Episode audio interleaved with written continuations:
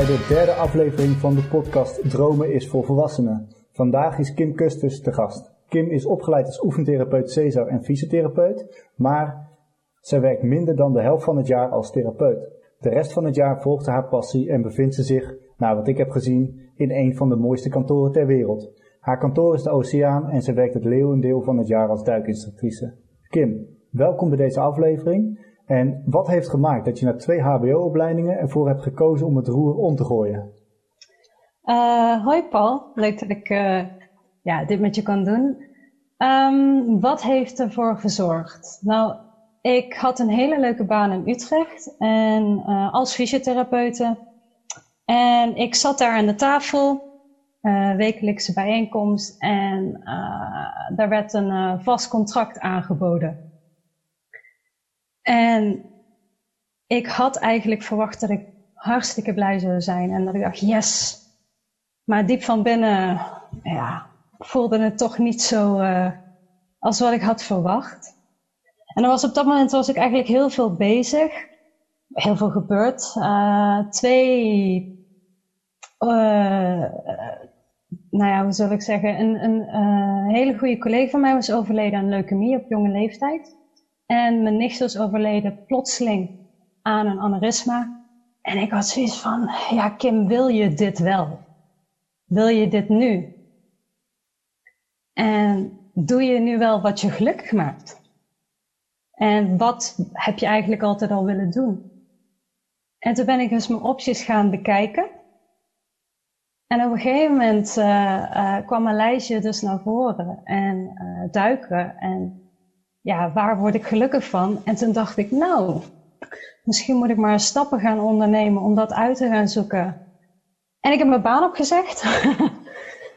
en uh, ik ben, uh, ja, ik heb een enkeltje gekocht naar uh, Maleisië, zoals je weet. En daar is het begonnen met, met Dive Master training. Ja, want wij, dat is misschien goed voor de luisteraars om te weten, wij kennen elkaar al inmiddels een jaar of twaalf, denk ik, sinds ja. 2007, 2008. um, dus ik ken jouw verhaal wel enigszins, maar de luisteraar natuurlijk niet. Um, je noemde Maleisië specifiek. Ja. Um, hoe ben je daar beland, Maleisië? ik ben, oh, ja, dat was ook wel grappig. ik zou naar Indonesië gaan. En uh, ik stond op het uh, vliegveld en mijn uh, paspoort was nog maar vijf maanden geldig.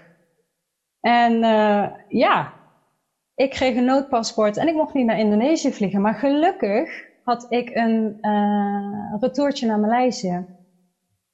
En mocht ik dus met het noodpaspoort toch naar Maleisië vliegen. En het was eigenlijk helemaal niet mijn plan. Toen was ik gaan rondkijken van, goh, waar in Maleisië uh, kan ik doen wat ik graag wil. En ik wilde graag leren duiken toen de tijd. En zo ben ik dus eigenlijk op het eilandje gekomen waar ik verliefd ben geworden op het duiken. En uh, ja, niet alleen op het duiken. En, uh, en ja, daar is eigenlijk alles begonnen. Dat, ik voelde me daar meteen thuis. Ja, ja en dat, dat dat thuisgevoel is natuurlijk belangrijk. Uh, maar ik kan me voorstellen dat als je gewend bent in Nederland, zeg maar, als therapeut om daar te werken, dat je niet heel snel besluit om naar de andere kant van de wereld te gaan. Dus had je altijd al ergens die drang om Nederland te verlaten? Ja, eigenlijk wel, maar dat was ik alweer vergeten. Ik ben op mijn elfde, ben ik uh, met mijn uh, vader en, en uh, stiefmoeder en familie ben ik naar Indonesië geweest. En toen blijkbaar, dat weet ik niet meer, dat heeft mijn moeder me, me naar de rand verteld, toen ik het enkeltje had gekocht, heb ik op mijn elfde al gezegd van moeder, als jij niet hier was, dan was ik daar gebleven. Oké. Okay. Ja, dus dat was dus... op mijn elfde. En dat was ik eigenlijk weer totaal vergeten. Ja, en dan blijkt dat je dan toch uiteindelijk in de toekomst ja, teruggaat naar de woorden die je als kind hebt gezegd. Ja. Um, nou goed, ik heb natuurlijk wat voorkennis. Ik weet dat je tijdens je opleidingen ook in het buitenland hebt stage gelopen. Klopt, ja. Wat was toen voor jou de reden om naar het buitenland te gaan voor stage? Ja, ja dat was eigenlijk ook al een droom van mij. die ik al heel lang wilde. En ik ben en wat was die droom? Andere culturen, andere mensen leren kennen. Ja, gewoon meer leren, meer zien, meer proeven. Ja, meer ervaren. En, en vooral ook, ook ja, groeien als persoon, meer onafhankelijk zijn. Uh, meer leren op, uh, op eigen benen te staan. En uh, ja, toch het avontuur. Ja, ja en, en wat heeft jou dan destijds toen besluiten om die stap naar het buitenland te maken in eerste instantie voor stage? Uh, sowieso ook de mogelijkheid dat uh, de kwaliteit toen, uh, of nu nog steeds trouwens, in, in Australië gewoon zo goed is, zeg maar. En dat het voor mijn zowel professionele als persoonlijke ontwikkeling heel, heel, heel goede kans was. Dus ja, en het voelde gewoon ook echt goed. Ja, en een stageperiode is natuurlijk over het algemeen voor kortere tijd. Mm Hoe lang was in eerste instantie de stage of hoe lang zou die zijn? Uh, vijf maanden. Ja, vier en half, vijf maanden, ja. ja. En uh, maakte het feit dat je wist hoe lang de tijd zou duren van die stage het dan ook makkelijker om je keus te maken? Ja, zeker. Ja, absoluut. Ja. Ik, uh, ik heb altijd een instelling gehad van als het van een bepaalde periode is, of het nou ja, meevalt of tegenvalt, dat maakt dan niet uit. Daar kom je, daar kom je altijd wel doorheen. Dus uh, ja, dat is wel een, een, een, uh, een doorslaggevende ja, reden geweest dat ik dacht, ah, nou, als het, ook al valt het hartstikke tegen, nou dan maken we er toch maar wat van. Ja, en toen stond je uiteindelijk bij je eerste buitenlandse stage in Australië. Mm Hoe wist je dat je dan de juiste keuze had gemaakt voor het najagen van die droom? Ja, dat is een hele goede vraag, maar dat is toch echt meer een gevoel. En ja. wat voor een gevoel, kan je dat gevoel eens omschrijven? Ja, dat alles gewoon klopt. Dat alles gewoon in een flow gaat. En bedoel je dan dat je niet hoeft na te denken, maar dat gewoon eigenlijk als een soort tweede jas, een tweede natuur voelt? Ja, inderdaad. Ja. Ja, en dat alles ook een beetje klopt, zeg maar. Hoe het ook loopt, het klopt allemaal. En het voelt alsof het past, net zoals met Maleisië, alsof of het, ja, of je thuis bent. Ja. En is dat belangrijk voor jou, dat, dat gevoel, zeg maar, in het najagen van die dromen? Dat het, dat het gevoel, dat het klopt, bedoel je? Of dat het, uh, nou, die flow... überhaupt gevoel. Ja, voor mij is gevoel en intuïtie, uh, ja, toch wel belangrijk, ja. Ja, en toen, uh, na 4,5 maand, kwam je terug van je stage. Ja. En toen? Wat, uh, ja, wat was, hoe was jij toen weer terug in Nederland en welk gevoel had je toen? Nou ja, toen uh, ging ik direct door naar mijn laatste stage. Dus ja, dat was gewoon, uh, het doel was toen om die stage te halen. Maar er was wel iets in mij ontwaakt dat ik dacht, ik wil meer zien. Ik wil meer proeven dan alleen maar Nederlandse bodem. En uh, toen er tijd was de situatie er, er nog niet naar dat ik heel ver weg kon of durfde te gaan. Dus toen ben ik wel uiteindelijk naar Duitsland uh, gegaan om te werken. Dat is nou niet echt super ver weg, maar wel buitenland. Dat klopt. Uh, Uh, dus dat was al het babystapje eigenlijk voor mij. Om, ja, om te proeven hoe het was. Zeg maar, om toch, ja, toch al eens te, te, te voelen van, goh, hoe is het als je toch al een beetje in het buitenland werkt? Ook al is het uh, de buren. Ja, want als je dan kijkt naar um, je stageperiode in Australië of het werk mm. in Duitsland, wat, wat is daarin het verschil geweest? En dan bedoel ik niet zozeer inhoudelijk qua werk, maar meer als je kijkt naar um, het werken in het buitenland. En ik schaar een stage dan ook even voor het gemak onder werk. Mm. Ja, had dat te maken met bijvoorbeeld de, uh, de tijd? Dat je bij Australië wist het duurt 4,5 maand en bij Duitsland dat het een ander tijdspad was?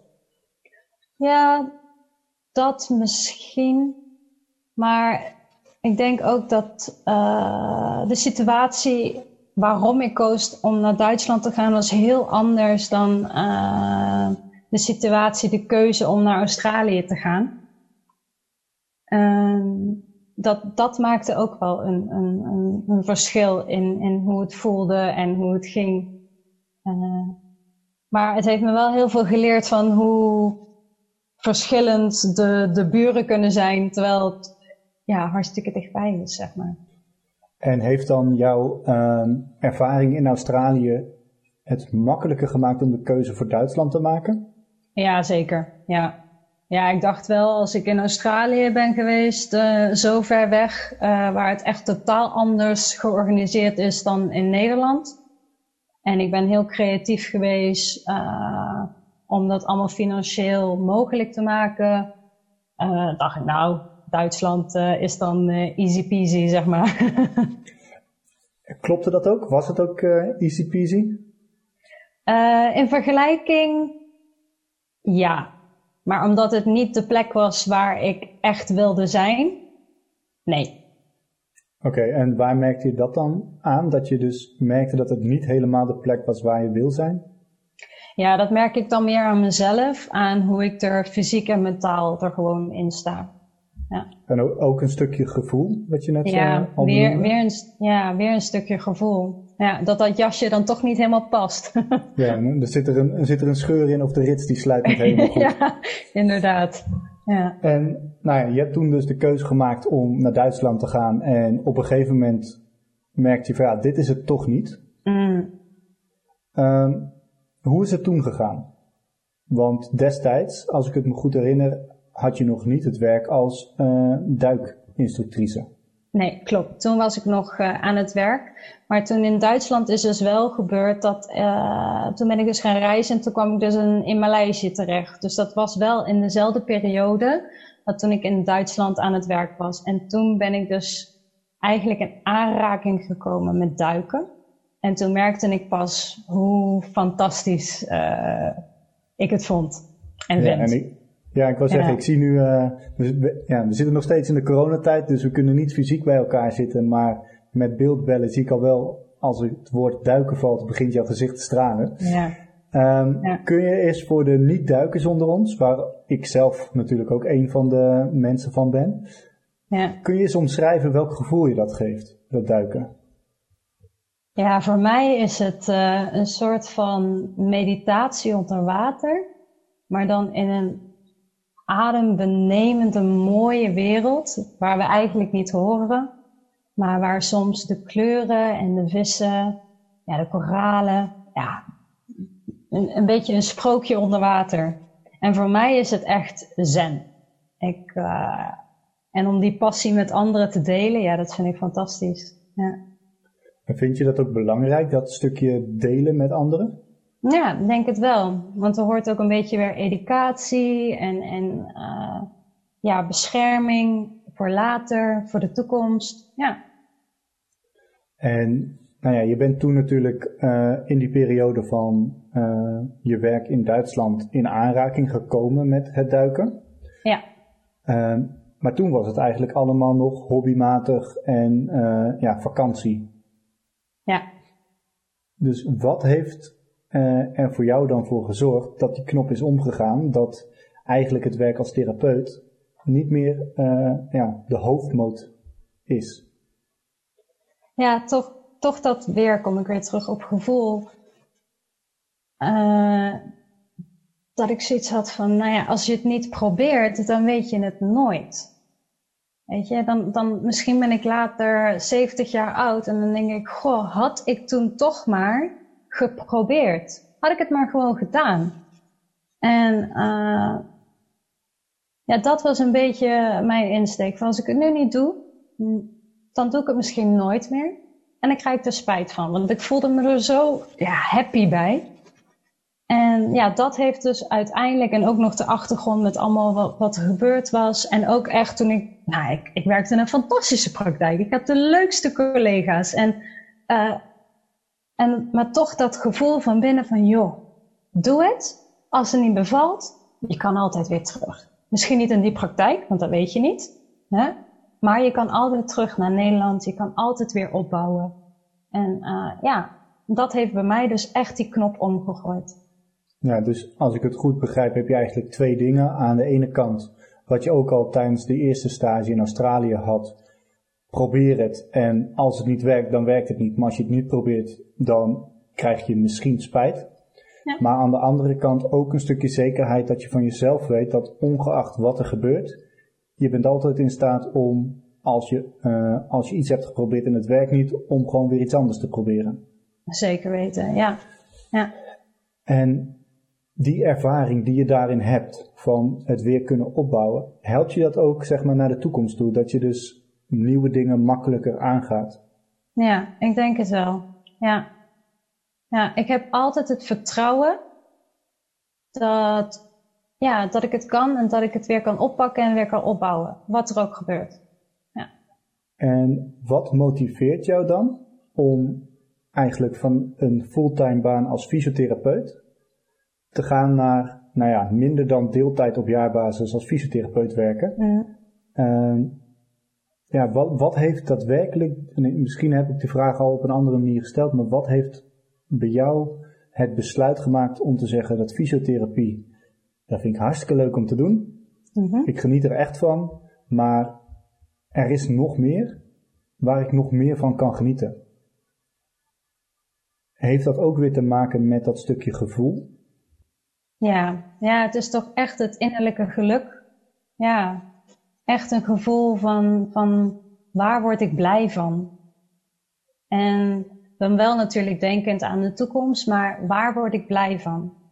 Van als ik dit nu blijf doen, voel ik, dan, voel ik me dan voldaan? Of, ja, of is het een beetje zo-zo? En ik was zoiets van nee, weet je wel. Ja, ik wil echt dat, dat gevoel hebben dat ik mijn leven in ieder geval leid zoals ik, ja, niet een leider zeg maar, maar ja, met, echt. E, met EI. ja, juist. Ja. Ja. Um, nou, mooi omschreven. Um, hoe zorg jij er dan voor dat dat allemaal kan? Dat jij dus het leven leidt wat je wil leiden? Um, nou, ik zorg er sowieso voor dat ik altijd voor mijn fysiotherapie dat ik uh, mijn cursussen doe, dat ik bijblijf, online en in real life. Dus als ik uh, terug ben in Nederland, probeer ik altijd cursussen te volgen. En vooral nu waarvan ik denk, kijk, dit vind ik leuk hier zou ik ook in de toekomst wat mee willen doen. En online uh, voor mijn punten.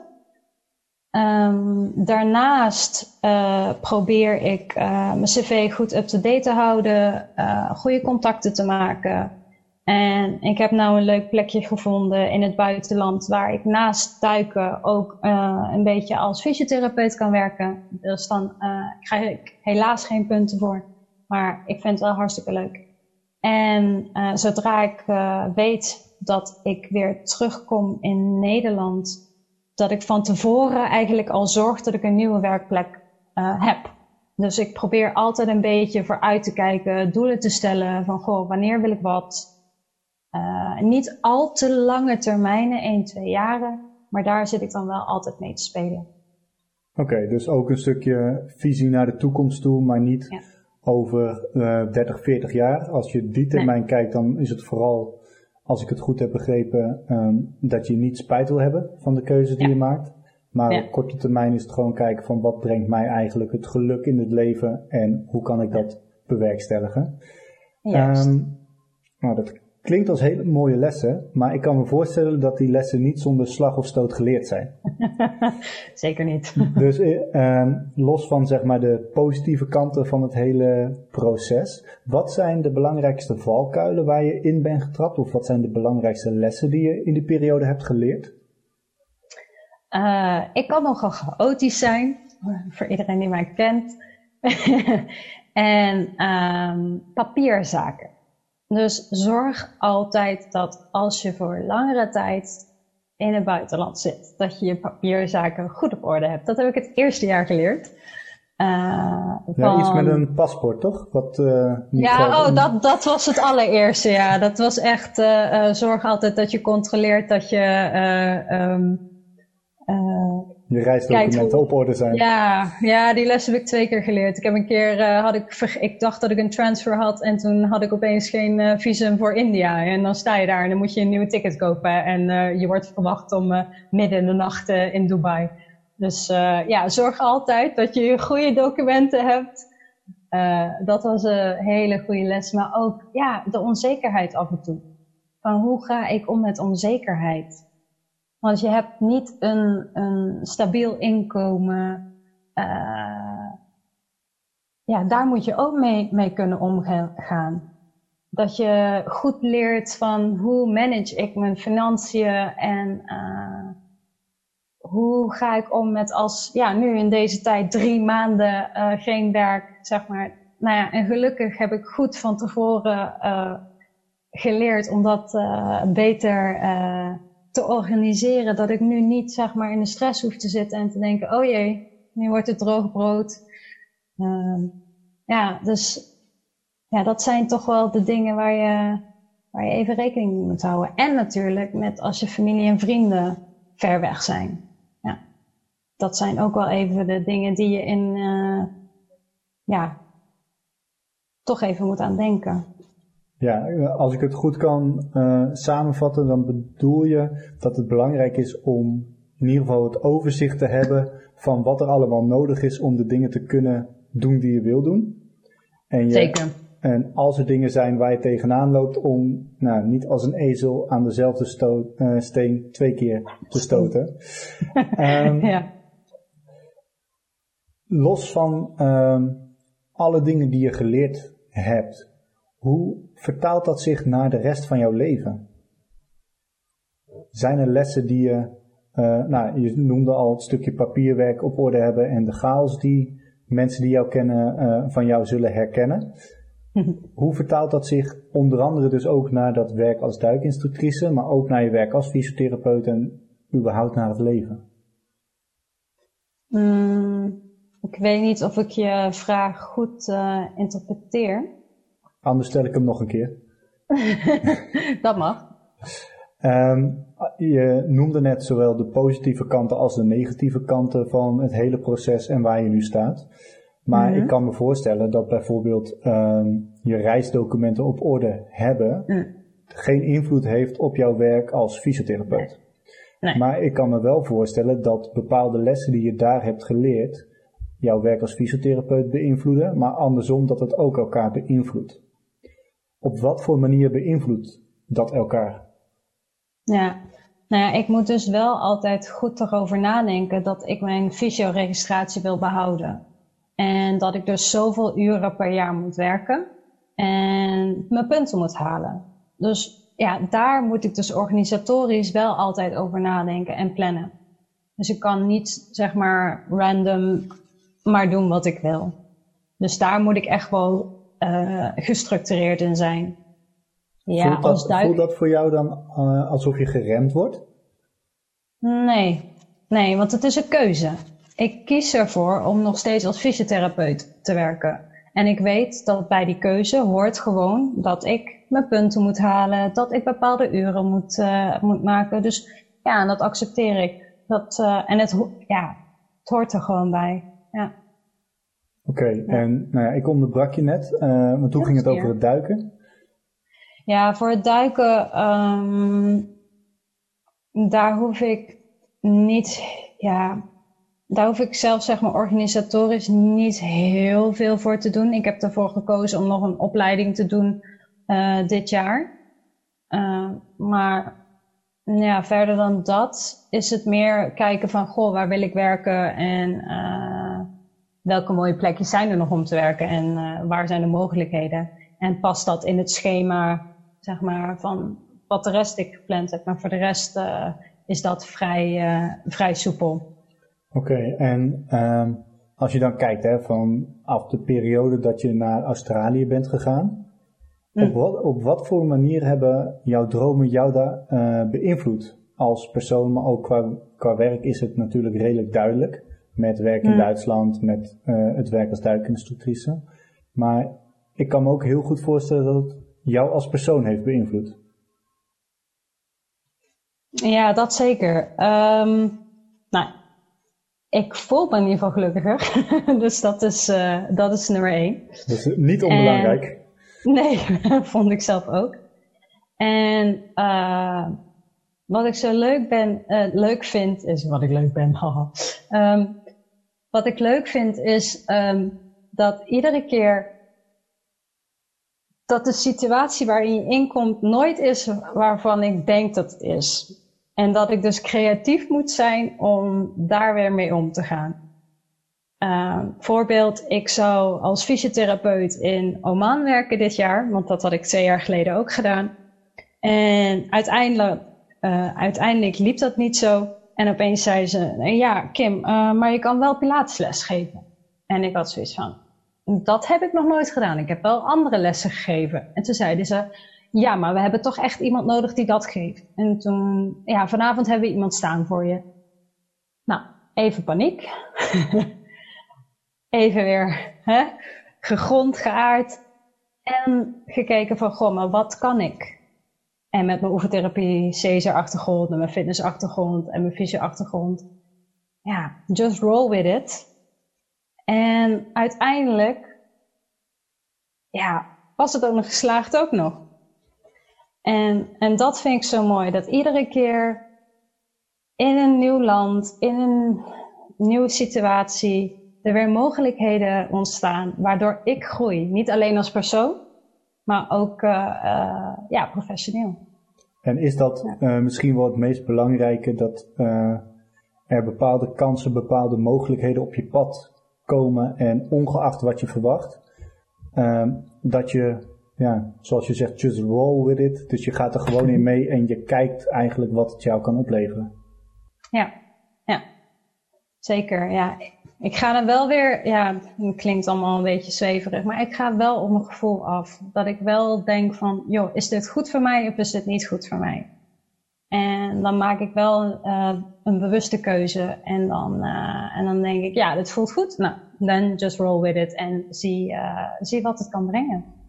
En welke overwegingen spelen er dan bij jou om te bepalen of het goed voelt? Is dat alleen je onderbuikgevoel of zijn er ook andere dingen dat je denkt van ja, dit is ook belangrijk? Ja, ik, oh, naast mijn onderbuikgevoel uh, kijk ik ook wel altijd van past dit wel binnen mijn straatje? In de, in de zin van past dit in de lijn van mijn denken, mijn doen, uh, et cetera.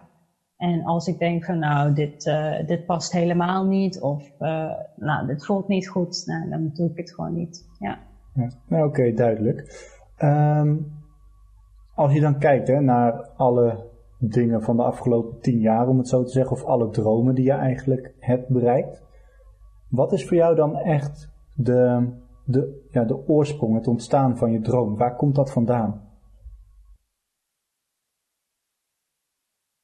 Ja, ik denk dat dat toch uh, als, ja, als kind eigenlijk al begonnen is. Ja, dat dat toch dat, dat, uh, dat kleine meisje dat zei van, goh, als jij niet, uh, niet hier was, mam, dan was ik daar gebleven. Ja, ik denk dat daar toch ergens het vuurtje is gaan branden. Ja. Oké, en nou ja, stel hè, jij zou nu dat kleine ukkie van de basisschool weer spreken. Wat zou je die dan vertellen? Welke tip zou je hem of haar eigenlijk geven ten aanzien van het bereiken van dromen? Doen. Gewoon doen. Gewoon, ondanks dat je bang bent, gewoon doen. Ja, gewoon ergens beginnen je kan erover nadenken op een gegeven moment. Tuurlijk, je moet wel over dingen nadenken. Maar uh, als je geen stappen onderneemt, dan kom je nergens. En uh, begin, begin gewoon ergens en iedere keer weer reflecteren en dan weer doorgaan. En als je op je bek gaat, sorry, dan, uh, nou ja, dan sta je weer op en dan ga je gewoon weer door. Ja, ja je deed even, voor de luisteraars, je veegt even het, uh, het stof of het zand van de schouders bij het opstaan. Ja, inderdaad. Ja, Nee, dus eigenlijk gewoon doen, kijk waar het schip strandt en Juist. je komt verder eigenlijk dan je vooraf denkt. Ja. Um, ja. We zijn creatiever dan we denken. Ja. En als je nu met de kennis van nu terugkijkt, zou je dan dingen anders hebben gedaan? Ja, waarschijnlijk wel. Ja, heel veel dingen anders. Ja, maar uh, de afgelopen vijf jaar in ieder geval niet. Nee. En die periode daarvoor, wat zou je dan anders hebben gedaan? Ja, misschien al eerder de beslissing genomen dat ik, uh, dat ik gewoon naar het buitenland had moeten gaan. Ja. ja. En wat is dan het grootste wat jou dat buitenlandse avontuur heeft gebracht? Ja, geluk. Ja, voldaan gevoel. Ja, dichter bij mezelf. Ja. En dus je hebt eigenlijk jezelf dankzij je buitenlandse reizen beter leren kennen. Ja, ja zeker. Ja. nou, dat is, uh, dat is hartstikke mooi. En ik denk dat we daarmee ook al aardig mooi uh, richting het einde gaan. Dus voordat ik de laatste vragen wil stellen, allereerst hartstikke bedankt voor de tijd die je hebt genomen in deze bijzondere coronatijd. Um, voordat we echt naar het einde toe gaan, waar kunnen mensen jou online vinden? Uh, ze kunnen me op, uh, via e-mail altijd bereiken. Uh, feelfitfastphysio at gmail.com Oké. Okay. Um, stel, wij spreken elkaar over tien jaar weer voor deze podcast. Hm. Waar sta je dan? Welke dromen heb je bereikt? Uh, hopelijk heb ik dan ergens een heel leuk plekje gevonden waar ik vanuit werk. En dat ik van daaruit nog steeds uh, over de hele wereld hop om uh, of om duiklessen te geven of om fysiotherapeut te zijn. Ja, dat hoop ik. Oké.